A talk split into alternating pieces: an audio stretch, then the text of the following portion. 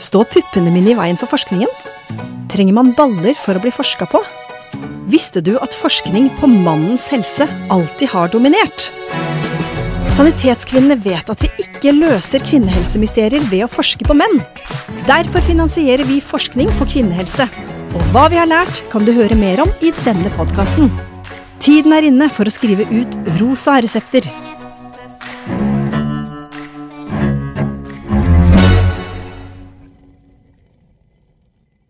I dag så skal vi ha med oss Linn Myrtveit Stensrud. Og hun skal få lov til å fortelle litt om sitt doktorgradsarbeid. Og jeg heter Elisabeth Sverd og er forskningsansvarlig og seniorrådgiver for kvinnehelse i Norske kvinnesanitetsforening. Så velkommen til dere alle, og spesielt velkommen til Linn. Tusen takk. Ja, Linn, du har jo jobbet med dette temaet vulvodyny ganske lenge. Du har jo i utgangspunktet en master, er i utgangspunktet jobbet eh, med dette også i den masterutdanningen din, og så er du psykolog i bunnen. Du må jo forklare litt, da. Hva er egentlig vulvodyny? Ja, hadde jeg bare visst det, så hadde jeg jo ja, kunnet hoppe på en nobelpris, nesten. Eh, men det er jo en eh, Det er en langvarig smertelidelse. Det er rett og slett en diagnose du får hvis du har smerter i vulva, altså ytre kjønnsorganet hos kvinner, i mer enn tre måneder uten at det går an å finne noen annen årsak.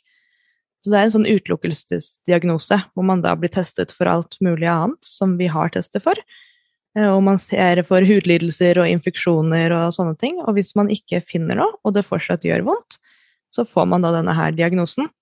Eh, men ingen vet jo egentlig hva det er jeg tror jo ikke at det er én lidelse heller. Jeg tror jo at det er en sånn sekkegruppe hvor det er ganske mye forskjellig inni der.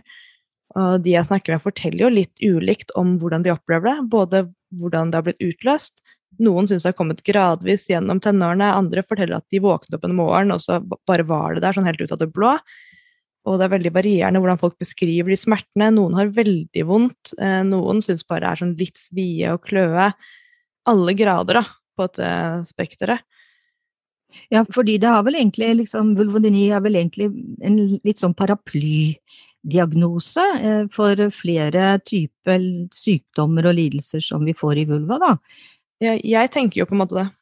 Hvis du eksempel har en soppinfeksjon, da, vil du si at det er vulvodyni, eller vil du si det er sopp? Da vil jeg si det er sopp. Ja. Men det jeg går og lurer på, er jo hvor mange av disse som har en vulvodyni-diagnose, da, vil etter noen år kanskje ha fått noe annet. Eh, I hvor mange tilfeller er det egentlig en soppinfeksjon da, som har gått under radaren, eller en påbegynnende hudlidelse eller noe sånt? Det hadde jo vært veldig interessant da, som en sånn lengre oppfølgingsstudie. Hvor mange er det da egentlig som lider av dette? Å, nå føler jeg bare for noen spørsmål det ikke går an å svare på. eh, altså, det er jo ingen som vet det heller. Vi pleier å si sånn 10-15-20 der omkring. Ja. Men eh, altså, det er jo ikke gjort studier på det i Norge, hvor man ser på forekomsten. Og fra andre land så finner man jo alt fra 4% til 40 eh, Så det er jo ganske varierende, og det har jo noe å gjøre med at man diagnostiserer litt ulikt i ulike land. Og at eh, diagnosekriteriene også endrer seg da, nokså ofte. Ja. Bare på den tiden jeg har jobbet med det, så har de kriteriene vært endret flere ganger, og navnet endrer seg. Noen kaller det jo vestibulodini, vestibulodyni, noen vulvodyni, noen kaller det vestibulitt. Uh, så det er jo Kjært barn mm. har mange navn. Og noen kaller det vel også vaginisme? Ja, det gjør en del, men det er ikke det samme. Nei, ikke sant? Fordi det er på en måte noe med den kjennskapen man har til, eh, til dette organet òg, da. Altså organet ja. vulva. Altså jeg, jeg, er litt usikker på om alle vet egentlig hva vulva er. Det gjør definitivt ikke alle. Jeg har kvisset eh, omgangskretsen min. Ja, du har det? Ja, og det er få som vet det, også av damene, og det er nesten ingen menn som vet det. Hva tror du, hva tror du er grunnen til det, da? Altså, vi kjenner jo til eh, andre latinske begreper knyttet opp til eh, organer som vi har i kroppen. Ja, Det er vel det samme som gjør at man ikke kjenner til lidelsen, da, at det er veldig stigmatisert, alt som har med kvinners underliv og seksualitet å gjøre det er jo det jeg tror kanskje gjør denne lidelsen verre enn andre kroniske smertelidelser. Det er jo det de forteller, de jeg møter, at smerten i seg selv for noen er veldig ille. men for de aller fleste jeg møter, så er ikke smertene så eh, grusomme. Eh, men det de lider veldig av, og som påvirker livskvaliteten voldsomt, da, er jo både den derre angsten for hva det er for noe, som de ikke ordentlig får svar på og finner ut av, og de har ikke hørt om det og sånn. Eh, og det at det er mye skam og stigma knyttet til det å ha en sånn lidelse.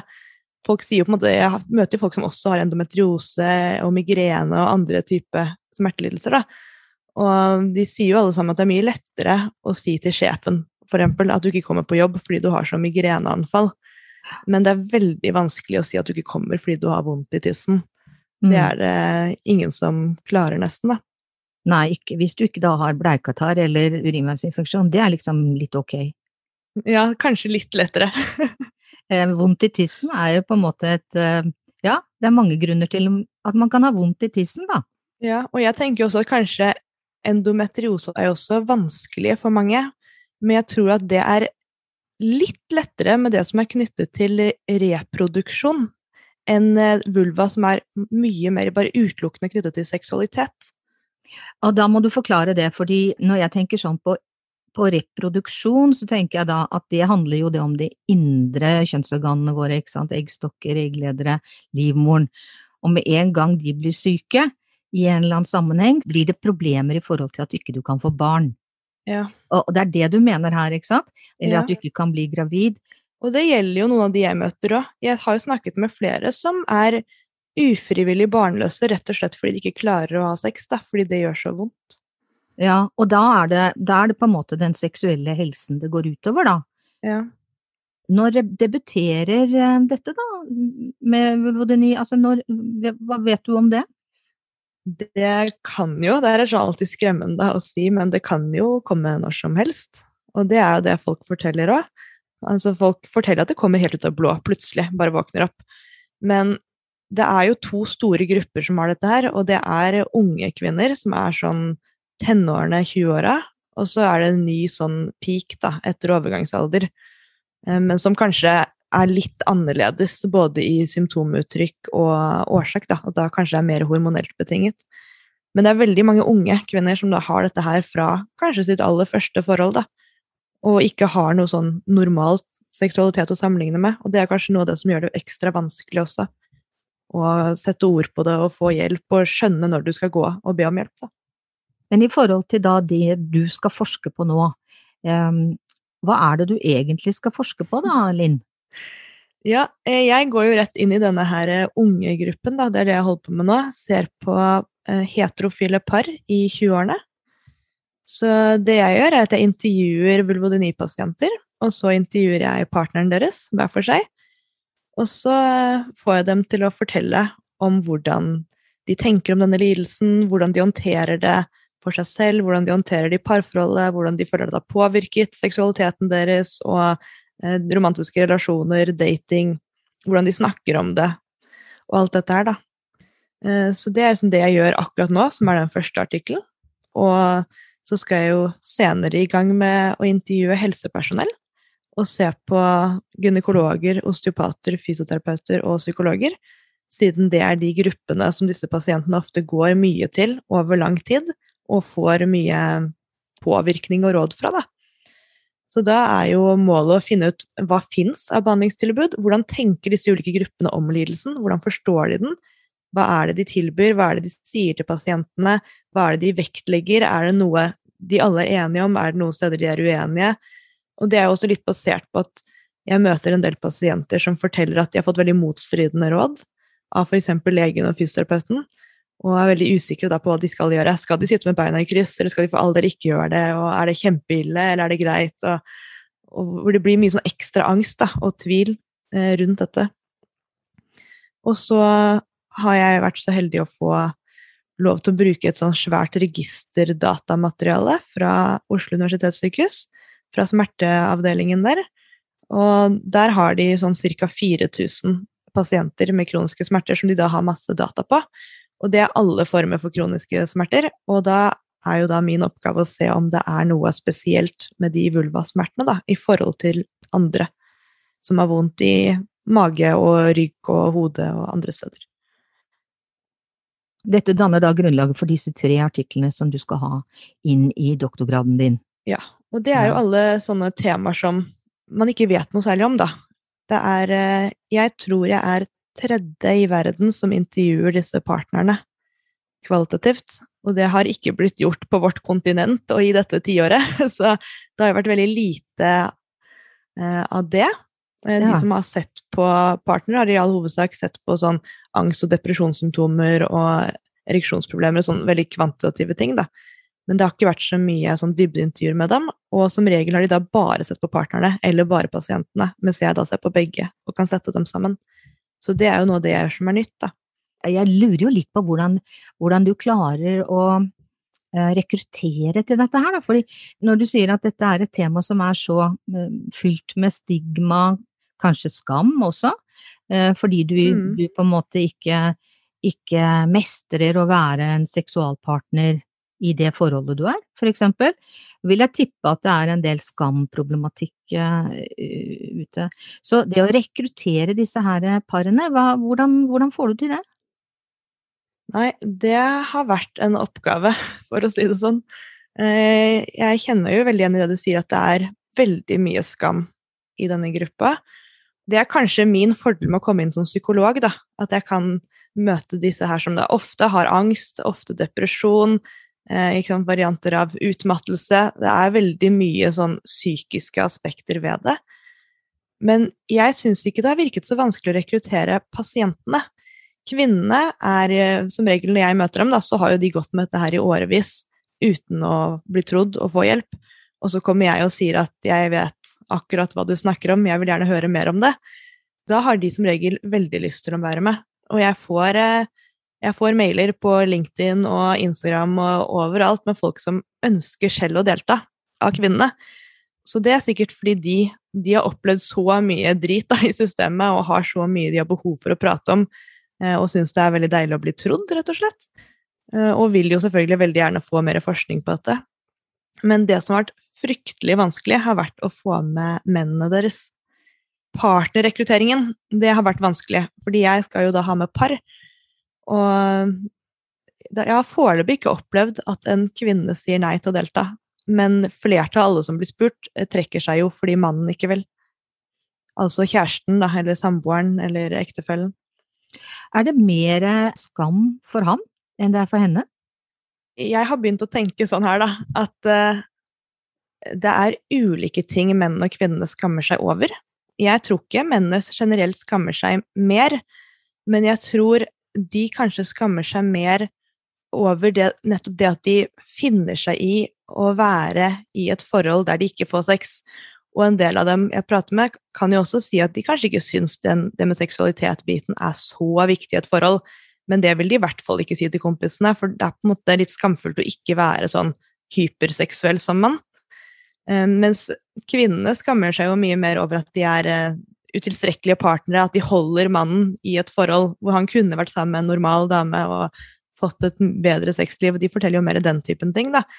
Men jeg tror at de damene jeg møter, de har vært gjennom så mange runder med utredning og behandling, så de har fått rett og slett eksponeringsterapi. De har fått vanvittig mye trening i å snakke om det.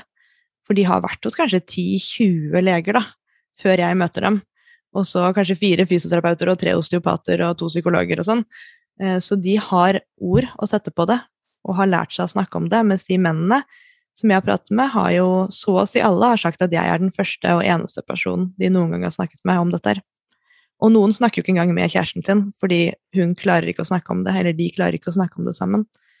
Så de mennene som har deltatt, de har jo sagt at de har hatt veldig behov da, for å kunne snakke med noen. Noen som har taushetsplikt, som ikke er som familien eller kompisene, som kanskje også kjenner dama deres. Og da blir det veldig utleverende, men de kan snakke med meg. Mm, mm. Eh, Men jeg tenker også det at um, den siden av saken, altså i forhold til han da, som er partner her, er vel også noe som ikke er belyst noe særlig. Nei. Eh, Vi vet jo at det finnes masse forskning på ereksjonssvikt og sånne type ting, Eh, men akkurat her i forhold til eh, den psykologiske biten, og også den seksuelle helserelaterte biten, vet vi veldig lite om. Men, men, men altså, seksuell helse kan jo handle om noe mer enn samleie, liksom. Ja, det er et veldig godt poeng. Det er jo noe jeg prøver å få ut og gjennom innimellom. Det er ikke alltid jeg føler jeg får gjennomslag for det. Men det jeg opplever da i møte med disse parene, er jo at uh, de sier jo at det verste de kan få høre, er jo når folk sier sånn Ja, men det er jo masse annet dere kan gjøre hvis akkurat penetrasjon gjør vondt. Det er liksom masse annet gøy. Og det syns jeg er veldig fælt å bli møtt med. For da er det jo nettopp sånn, ja, som ikke vi visste det, det har vi jo visst siden vi var 14, liksom. Det er ikke det at vi er null kreative. Men det er noe med, tror jeg, at alt som er knyttet til seksualitet, begynner å bli veldig vanskelig. Eh, først så er det jo det at det blir smerter, og så får begge partene frykt for de smertene. Og så får kanskje ikke partneren vite om at eh, dama hans har hatt vondt før det har gått flere år, og så skjønner han at han har påført denne smerte i årevis uten å ha visst det, og da slår jo den skammen inn på at han har vært en, eh, sant, en partner som har påført lidelse uten at han har ment det. Eh, og så blir liksom alt rundt dette vanskelig, og mange av de damene trekker seg mer og mer tilbake, for de vil ikke ha en klem hvis det kan lede til at de kanskje føler at de må ha sex til slutt. Mm. Og så blir det sånn, sånn der, spill, da, veldig mm. ond sirkel, hvor de trekker seg mer og mer fra hverandre.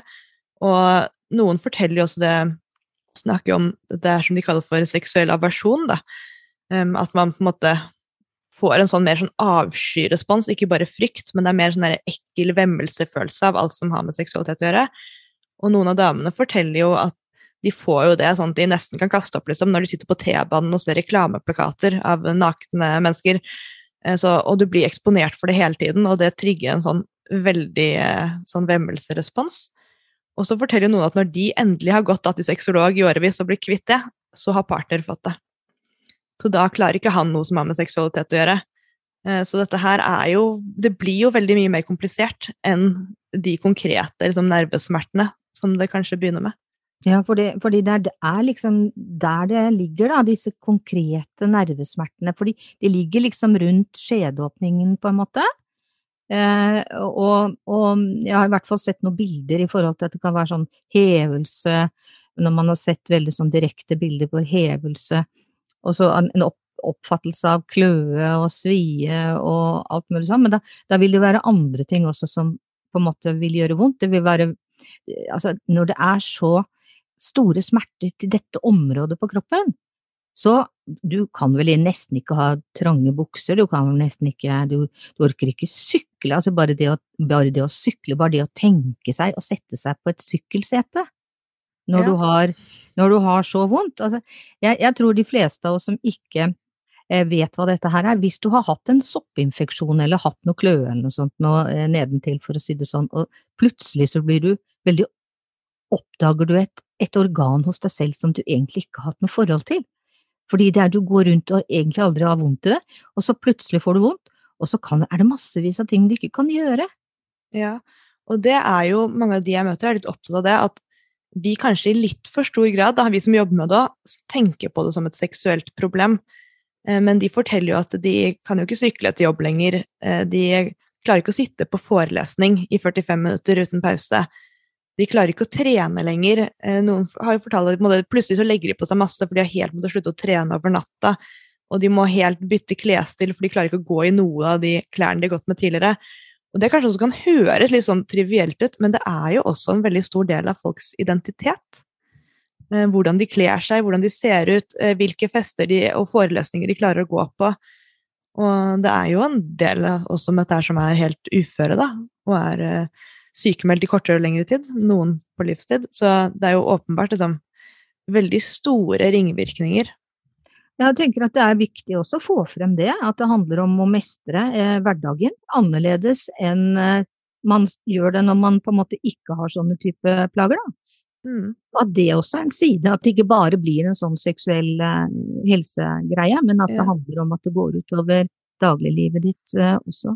Og i likhet med endometriose, da, så er det jo en del som gruer seg veldig til de får mensen, for de har jo problemer med både bind og tamponger, og det er ikke snakk om å bruke noe menskopp og sånn. Er, er sånne standard hygieneprodukter også, da, kan bli veldig vanskelig. Ja, og, og personlig hygiene. Altså det å, det å, vaske seg, liksom. Dusj og sånn, det går sikkert fint, men For noen, for, for noen, noen, er til og med det også vanskelig. Ja. Det er noen jeg har snakket med, de har gått eh, i fysioterapi da, og fått hjelp. Og så, etter å ha gått der i sju uker, da, så skal de ta på underlivet sitt i dusjen, liksom, vaske, at det er en del av treningen. Eh, og det har de aldri gjort før. Og veldig mange har jo, men det gjelder jo andre òg, da, kvinner generelt, mange har jo aldri sett sitt eget underliv. Og noen har jo knapt vært borti det i det hele tatt. Mm. Ja, vi har mange, mange, utfordringer på det. Men du, hvor mange skal du ha med deg i denne studien din, da? Eh, I den studien jeg holder på med akkurat nå, så har jeg åtte par. Eh, og så er det jo da interessant å se hva dukker opp, da. For jeg gjorde jo veldig mye av det samme i den hovedoppgaven tidligere. Og da De resultatene jeg har, da, er jo litt sånn på en måte litt overfladiske deskriptive. For da finner jeg jo at disse pasientene Eh, har aldri hørt om lidelsen før, de har brukt årevis på å få hjelp, de har opplevd ganske mye utskjelling og kjefting av gynekologer på veien, de har veldig mye sånn ubehagelig erfaring med helsevesenet, har kanskje fått litt legeskrekk, og så vet de ikke hvordan de skal forklare det til partner, og så får jo ikke han vite noe. Og nå er det jo litt på nettet, det er litt podcaster og litt nettsider og sånn, men da jeg begynte med dette her, så fantes jo ikke det. Så de partnerne jeg snakket med da, sa jo at de fikk jo ikke noe informasjon utover å gå på Reddit, på sånne subreddits. Og der fikk de jo all verdens elendige råd om at eh dama di har nok egentlig ikke vondt, det er egentlig bare det at hun er lesbisk og du er uattraktiv. Det er sånn som står på nett. ikke sant? Du fikk nettrollrådene. Og så gjorde jo det da at begge parter på en måte hadde veldig vanskelig for å snakke om det, begge parter skammet seg, eh, de unngikk temaet, eller veldig mange damer later jo som ingenting i årevis. En mm. del tar jo selvmedisinerer med smertestillende, eh, tar tramadol og sånn, og så satser de på at det går bra. Noen hadde til og med tatt oksykodon, som er ganske sterke smertestillende, og det var eneste gangen de hadde hatt smertefri sex. Og det er jo ganske deprimerende, egentlig. Og så fant jeg på en måte at dette her gikk veldig utover selvbildet deres. Eh, mennene på det verste begynte jo å se på seg selv som voldtektsmenn, som hadde på en måte følte at de hadde retrospektivt lys, da, følte de at de hadde forgrepet seg på disse eh, kjærestene sine, fordi de da ikke hadde sagt fra og sagt nei. Og så Noen ble jo sinte i ettertid da, tenker at hun dama skulle jo ha sagt nei, skulle ikke latt meg på en måte få overkjøre og påføre så mye lidelse. Og så forteller jo de damene at de klarer jo ikke å si nei. De er jo så vant til at på en måte deres grenser blir tråkket over igjen og igjen og igjen. Og ikke bare av partnere, men også av helsepersonell, da, særlig gynekologer, forteller jo veldig mange at de har følt seg veldig krenket av. Og det tenker de jo da er en sånn trygg kontekst. Så hvis, hvis det var den følelsen jeg hadde hos gynekologen, så må jo det være greit å ha med kjæresten òg, på en måte.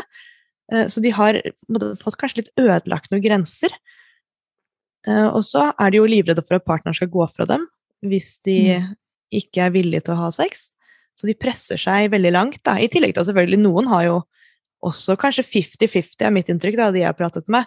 Halvparten har bare mistet all lyst og bare forteller at de på en måte hele underlivet er helt sladda og sensurert. De forholder seg ikke til det overhodet, mens den andre halvparten har jo fortsatt lyst.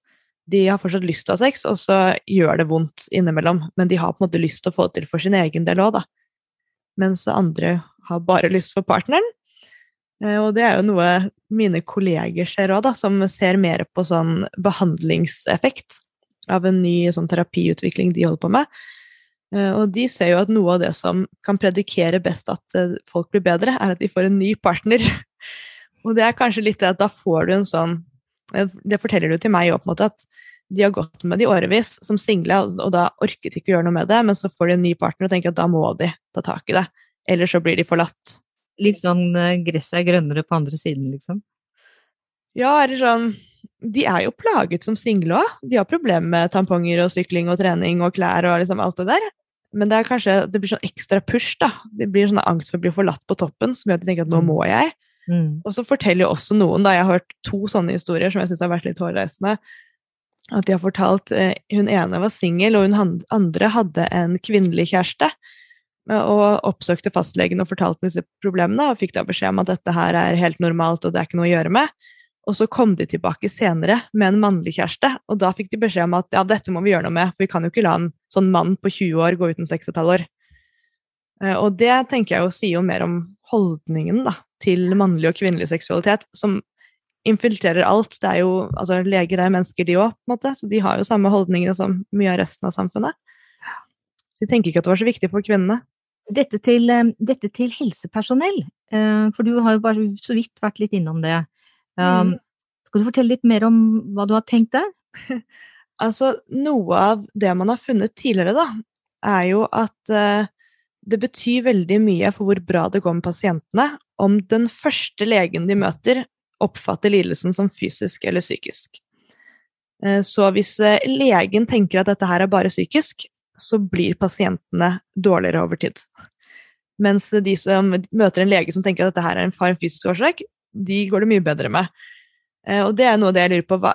Jeg tenker jo det handler kanskje ikke om om det er fysisk eller psykisk, men at kanskje det som oppfattes som psykisk, litt fort oppfattes som bare psykisk, og litt sånn innbilt og selvforskyldt.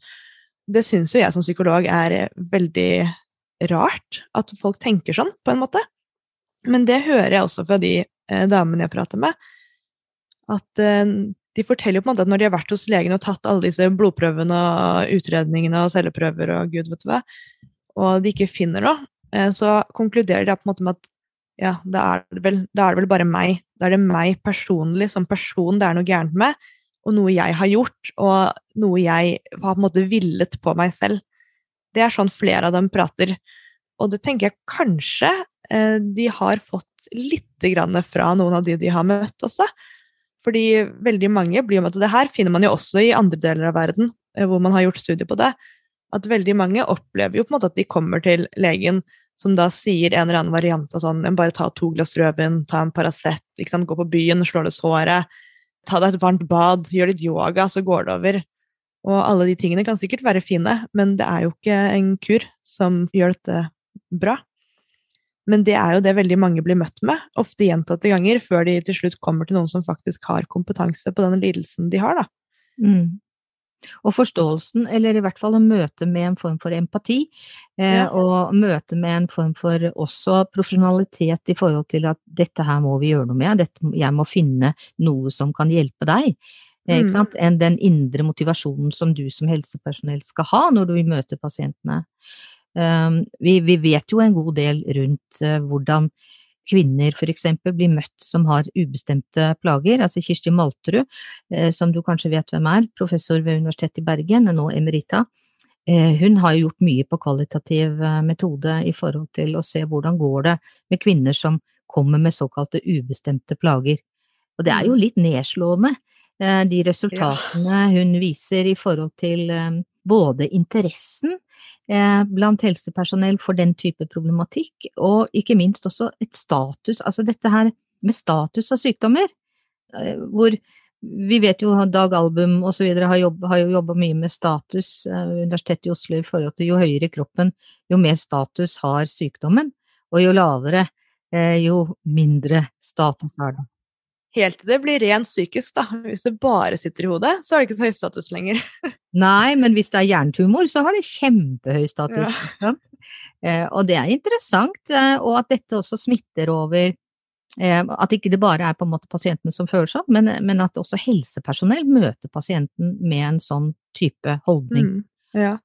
Og her tenker jeg jo Jeg tenker jo veldig mye av det jeg finner, da, eh, sikkert er veldig likt som det man finner hos endometriosepasienter, eller sikkert også folk med sant, ME og fibromyalgi og masse andre sånne litt Kanskje ikke skal si lignende, men sånn like vage, eh, uspesifiserte ting, da.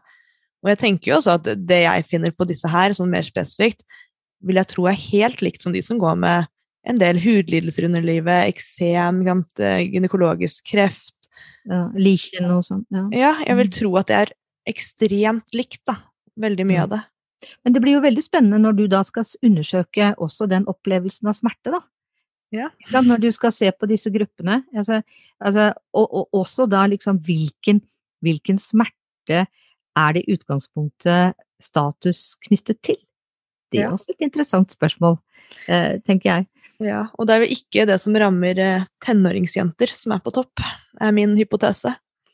Ok, si litt mer om det. Jeg, jeg tror jo mye av det som gjør at det er litt vanskelig å være i denne gruppa, er jo det at de, for de fleste så debuterer denne lidelsen når de er tenåringer, eller sånn rundt 20, liksom sånn 15 til 25. Og det ene er jo det at de har eh, de har lite status i samfunnet i forhold til en voksen person eh, med utdanning. Jeg merker jo bare selv, jeg syns det er mye lettere å gå til en gynekolog nå enn det jeg syntes eh, da jeg var 20. For nå kan jeg på en måte si at jeg har denne bakgrunnen, jeg har klart å komme gjennom et studie, jeg skjønner liksom litt hva du snakker om, du kan snakke til meg som et oppegående menneske. Men det er jo ikke alltid jeg følte at jeg ble snakket til som et likeverdig oppegående menneske når jeg var yngre. Og så er det jo det med at mange forteller jo at de har jo lært av seksualundervisningen sin og generell populærkultur at det er helt normalt da, at jenter har vondt de første gangene de har sex. Og så vet de ikke helt hvor mange ganger, hvor lenge er på en måte starten. Eh, skal det bare gjøre vondt første to gangene, eller første ti, eller første fem årene? Det er liksom veldig uklart, så det tar jo lang tid før mange i det hele tatt oppsøker hjelp og tenker at det er noe galt med dem. Mm. Eh, mange tenker jo at dette her bare er normalt, akkurat som sikkert mange endometriosepasienter da, tenker at det er jo normalt å ha skikkelig vondt sant, en uke i måneden. Eh, så det er en sånn veldig normalisering av kvinnelige plager. Og så er det det der at det er vanskelig å komme til legen og bli tatt seriøst som en sånn tenåringsjente. Og så er det jo den tredje tingen, da, som vi ikke har snakket så mye om, men som jeg tenker er et kjempeproblem, er jo at eh, det er veldig dyrt å ha denne lidelsen.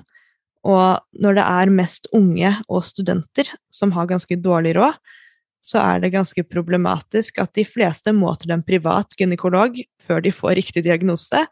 De fleste går til private behandlere, private fysioterapeuter og osteopater og leger, og som kanskje koster 1000 kroner i uka. Altså de fleste bruker jo vanvittig mye penger på dette, både utredning og behandlingen, fordi det er så utrolig lite av det som er dekket av det offentlige. Ja, og er, da kommer du over på på tiltakssiden um, i forhold til hva som er behovet. Og det er klart at uh, man blir jo litt sånn provosert. Altså hvis dette hadde vært menn som i utgangspunktet hadde disse problemene, så kanskje det hadde blitt gjort noe med Vi tror jo litt det. vi tror jo det litt når det gjelder, når det gjelder andre typer underlivsproblemer og, og, og, lidelser og sykdommer også. Uh, jeg sa det litt i sted, dette med dette er at man forsker mer på ereksjonssvikt, ikke sant hos menn enn man forsker på, på kvinnelidelser. Men det har jo, har jo, skjedd litt, ikke sant. Det har jo skjedd litt. Eh, nå har jo disse pasientene fått en pasientforening, for eksempel. Ja. Vulvodynyforeningen. En ganske ny forening som eh, allerede nå eh, snakket med, med lederen her, her forrige, ja det var faktisk forrige fredag, fortalte at de hadde sånn 350 medlemmer allerede. Eh, og det er, det, er ikke, det er, ikke, så mange, men det er i hvert fall noe med at man får en bevissthet. Og så er det jo denne, dette fantastiske nettstedet vulva.no, som også er et, et, nettsted som kan være til hjelp for disse pasientene. Men du sa noe om um, dette med helseutgifter. Og det er egentlig en sånn generell greie når det gjelder denne type lidelser for, for kvinner så vet vi veldig lite om hva det koster. Vi vet en del om hva det koster av personlig lidelse, smerter osv., men vi vet ikke de store samfunnsøkonomiske helseutgiftene eh, knyttet opp til sykdommene. Eh, hva koster det at du på en måte går syv år med, med endometriose og er innom og sliter ned det ene venteværelset etter det andre hos fastlegen, ikke sant, og før du, før du da til slutt ender opp i IVF-en fordi, fordi du ikke kan få barn. Og da har du brukt syv-åtte år på ulike doktere opp igjennom. Og når du forteller dette her med de unge jentene og kvinnene som, som du også da vet en del om, at, at, de også oppsøker privat hjelp, hvorfor har vi ikke da flere behandlingsmiljøer og klinikker knyttet opp til denne type problemstillinger i Norge da? Nei, det syns jeg du skal spørre Bent Høie om. Altså, det er jo en prioriteringssak. For vi har jo kompetansen. Vi har jo tre vulvaklinikker hvor det jobber kjempeflinke, kompetente folk. Eh, men de får jo ikke fulltidsstillinger til å jobbe med dette her, selv om de fins. Eh, så det er jo rett og slett eh, pengemangel, da. Eller skal vi si Man prioriterer andre ting da, over dette. Og så tror jeg jo at dette her er en pasientgruppe som har vært lett å ignorere, for de gjør ikke så mye ut av seg og de roper ikke så høyt. Og helt til Den pasientforeningen er jo nå ca. et år, men fram til i fjor, da, så har jo ikke de hatt noen som kjemper for seg. Og de aller fleste har jo, selv om det er kjempemange som har denne lidelsen, så tror jo de fleste at de er helt alene, og at det bare er dem. Du går jo på en måte ikke på barrikadene og roper høyt for det som bare gjelder deg selv. Men så, det tenker jeg er kjempebra med Pasientforeningen, eh, og at vi får litt informasjon om hvor mange dette er. For det tror jeg mm. også er et stort problem oppi dette her, for både kvinnene og partneren deres. At det er en sånn veldig ensomhet med å stå i det. At du tør ikke å si det til familien din, kanskje. Du tør ikke å si det til vennene. Når de snakker om alle liksom, Tinder-erfaringene sine og sånn, så sitter du der og er litt sånn Dette her er jeg ikke med på, jeg skjønner ikke hva de prater om, dette er veldig ubehagelig og vanskelig. Det er ikke dette du flagger på Tinder? Nei, det er jo ikke det. Eh, jeg har snakket med én som sa det på første date, men resten holder det jo som regel godt skjult, da.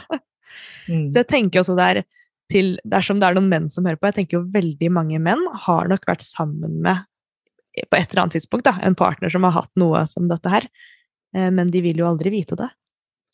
Nei, og det er jo noe med alle disse tingene, da, eller temaene som, som vi nå bryter taushet om.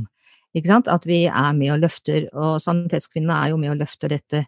Vi er jo ikke noe pasientforening, men vi representerer jo kvinner, og vi løfter jo denne problemstillingen på både forskningsfronten og også, også politisk eh, som en samfunnsaktør som vi er i forhold til at vi krever behandling og tiltak.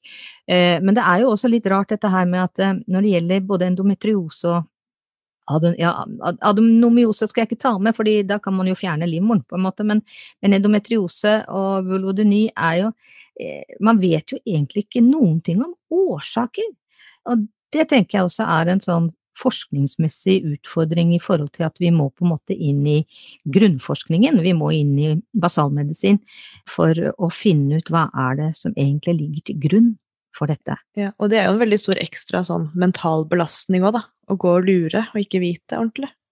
Og da vil vel kanskje dette med å få en diagnose virke positivt, for det Absolutt. ser vi jo på, på endometriosepasientene, bare det at noen som, noen som på en måte skjønner ja, men du lider jo av endometriose, så er det i seg selv en sånn bekreftende, positivt oi, eh, ja, det er i hvert fall en plass for meg i diagnosesystemet. Ja, og det en ting jeg har kommet over flere ganger som jeg syns er interessant, er jo at eh, en del av de, særlig de yngste kvinnene jeg har snakket med, av de som er nærmere 20 enn 30, de forteller typisk det at eh, de klarte ikke å si noe til partneren sin før de fikk diagnosen. Eh, for da var det jo på en måte bare sånn et eller annet med dem som ikke helt tålte å ha sex eller noe sånt. Men så fort de fikk en diagnose, så kunne de gå hjem til kjæresten sin og si at 'jeg har dette' du kan google det, kanskje, og finne ja. tre setninger. Um, men uh, da var det med en gang sånn Legen har sagt at jeg har dette, og at kanskje vi ikke burde ha sex på et par uker. Og da klarte de å sette de grensene, men de trengte på en måte at legen setter grensen for deg, for det er ikke greit å bare si 'jeg vil ikke ha sex fordi det gjør vondt', av personlige årsaker. ikke sant? Det er ikke en godkjent unnskyldning da, i hodet til veldig mange av de jeg snakker med. Nei, ikke sant. Hva var det, hva var det vi sa i gamle dager? Jeg snudde seg til siden og sa 'jeg har så vondt i hodet'. Ja, og den, den brukes fortsatt, den. Men det jeg ser mer enn at folk på en måte sier det, er jo at uh, par bare begynner å unngå hverandre. Um, det er veldig typisk de forteller at uh, når hun legger seg, så setter hun der med telefonen og en bok og uh, ikke, sånn, chatter med venninner eller annet, og han setter seg og gamer og sånn, og går og legger seg en time etterpå. For å unngå hele den situasjonen der mm. hvor de føler litt angst og skam og ambivalens og det var en mann jeg pratet med nå, han sa jo det at uh, hvis jeg hadde gått og lagt meg samtidig med henne, om så bare for å liksom kose litt og ligge inntil og ha et snev av sånn nærhet, så hadde det blitt så veldig tydelig at vi har issues på soverommet. Men hvis jeg bare er på soverommet i tre sekunder før jeg skal sove, og bare legger meg etter henne, og så står opp før henne og bare, bare bruker det som å sove, og aldri oppholder meg det ellers, så er det ikke så tydelig at, at vi har liksom problemer knyttet til det rommet. Så det er mye sånn unngåelsesatferd mm. hos begge parter. Mm. Og det er jo egentlig veldig trist, for det er jo veldig mange av disse her som eh, sånn, kunne kanskje hatt veldig glede av å få en klem, da. Eller bare ligge inntil hverandre, eller sitte sammen på sofaen. Og, men så blir liksom Det blir typisk sånn litt flere og litt flere ting som havner inni den derre angstbobla, da. Ja, og den onde sirkelen, at det ene tar det andre. Mm. Ja. Eh, er det noe vi har igjen å snakke om? Er det noe mer du har lyst til å fortelle oss, Linn, i ditt eh, doktorgradsløp? Um, jeg kan jo si, siden du har trukket fram eh, vaginisme noen ganger, så kan jeg jo si det, for det har vi kanskje ikke snakket om hva er for noe. For det, i USA så er jo vulvodyni og vaginisme slått sammen til én diagnose. Mens det er det ikke her, da, for det er liksom to ulike ting. Men det er to tilstander som veldig ofte opptrer sammen. Så veldig mange av de vulvodyni-pasientene mine har jo også vaginisme, som vil si at skjedemuskulaturen trekker seg sammen og er veldig stram, da. Eh, som gjør at du ikke går inn og får inn tamponger eh, eller eh, en q-tip eller noe som helst. Så det, det, er jo sånn noe som kanskje kan være en følgetilstand òg, tenker jeg noen ganger. Hvis du først har mye vondt, da, så går du og spenner deg og knyter, og så får du disse følgetilstandene. Og så knyter du deg i resten av bekkenet, og så forplanter det seg liksom oppover i ryggen og nakken. og det er jo også en sånn kostnad som man kan regne på, selvfølgelig, som sikkert er et vanskelig regnestykke. Men hvor mye sånne andre plager man får fordi man er så anspent av å ha vondt. Mm. Ja, det var en viktig eh, informasjon, at vi vet forskjellen, eh, for å si det sånn, om det her. Mm. Eh, det er kjempeflott, syns vi sanitetskvinner, at du vil forske på dette temaet som, som vi gjerne løfter. Eh, og vi skal jobbe naturligvis for å få bedre tiltak, også behandlingstiltak knyttet opp til, eh, til disse, disse, kvinnene og mennene, disse parene som har behov. Eh, det er jo veldig trist at vi har vulvaklinikker som har så begrenset kapasitet som de har. Mm. Dersom du har noen tips da, til, til de parene som Eller til pasientene Eh, og til helsepersonell i forhold til hvor kan man få mer informasjon, hvor kan man få mer hjelp. Har du noe å komme med? Ja, for å ta helsepersonell først, da, så tenker jeg jo at det er veldig viktig at de eh, Det er jo som regel fastleger som møter disse pasientene først. Og dersom de ikke har kompetanse på dette, at de innser sin eh, kompetansebegrensning og henviser folk rett sted, og henviser folk videre, da. Eh, det gjelder for så vidt gynekologer òg, for det er jo ikke alle gynekologer som kan masse om dette. Men eh, veldig mange av de jeg møter, har jo blitt satt på gjentatte soppkurer og antibiotikakurer og mye medikamenter, sånn helt uten egentlig en indikasjon for det. Eh, og det tror man jo nå at en del blir verre av. Så det er noe med å få en diagnose litt tidligere, da. Bør, jeg skjønner at det kan ta litt tid, ikke, du skal utelukke mye annet, men det burde ikke ta mange år. Og så betyr det jo veldig mye å formidle det som en fysisk, somatisk lidelse til pasienten, og ikke eh, snakke som om det er psykisk, for det blir pasientene dårligere av. Og for pasientene så er jo kanskje bud nummer én holde håpet oppe og vite at det fins veldig flinke folk på dette feltet. Eh, både osteopater og fysioterapeuter og gynekologer og og noen ekstremt få psykologer, får jeg legge til. Vi er ikke så veldig mange av oss. Eh, men det fins behandlingsmuligheter. En del av de er private og dyre. Eh, men man bør jo prøve å komme seg til vulvaklinikken, det er offentlig.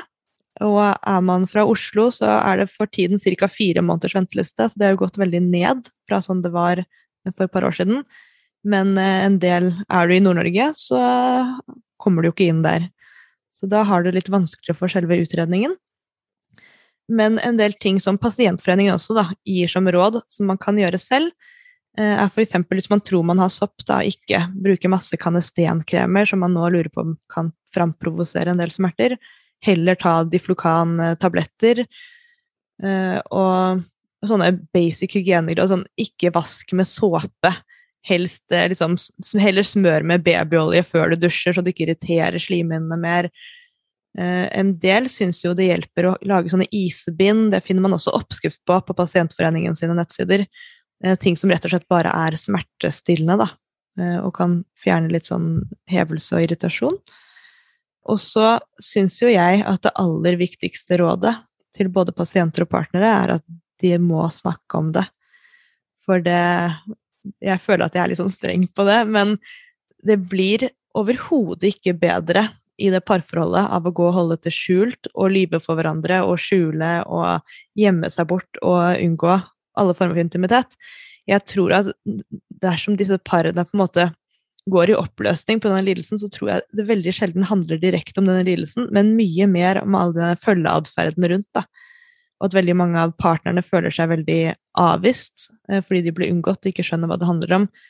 Så jeg tenker at de kvinnene har alt å vinne på å fortelle om det, og snakke så mye om det som de klarer, da. Og så skjønner jeg at det er veldig vanskelig.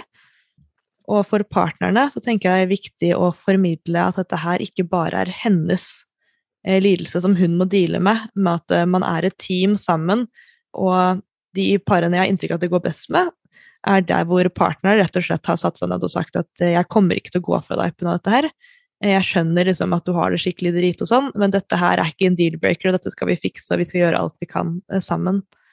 Og det tror jeg betyr enormt mye, og det reduserer jo veldig angst og stress også hos de damene, eh, som sannsynligvis er en ganske stor hjelp i seg selv, da. Mm. Da kan vi minne om pasientforeningen, da, Vulvodenyforeningen. Eh, og vi kan også minne om nettstedet vulva.no, som er stedet man kan gå inn og titte. Der er det jo også en del informasjon, men det er også en del råd i forhold til eh, hvem du kan ta kontakt med, eksempel. Mm. Det er en veldig god side. Da er vi kommet sånn at vi må bare si til deg, Linn, at vi sanitetskvinner ønsker deg all lykke eh, videre på den viktige forskningen du gjør. Vi gleder oss til å følge deg i forhold til det du får frem, og det du får av funn og resultater. Så tusen takk for praten. Jo, i like måte. Jeg er jo veldig, veldig glad for å ha den muligheten. Jeg er veldig glad for at dere følger meg hele veien, og jeg syns det er kjempefint. Kjempefint. Takk skal du ha. I 125 år har Sanitetskvinnene jobbet for å bedre kvinners helse og livsvilkår, og står for en av Norges største satsinger på kvinnehelseforskning. Du finner Rosa resept der hvor du lytter på podkast og i sosiale medier. Lenkene finner du i episodebeskrivelsen. Følg oss videre på veien mot likestilte helsetjenester. Nye rosa resepter skrives ut fortløpende.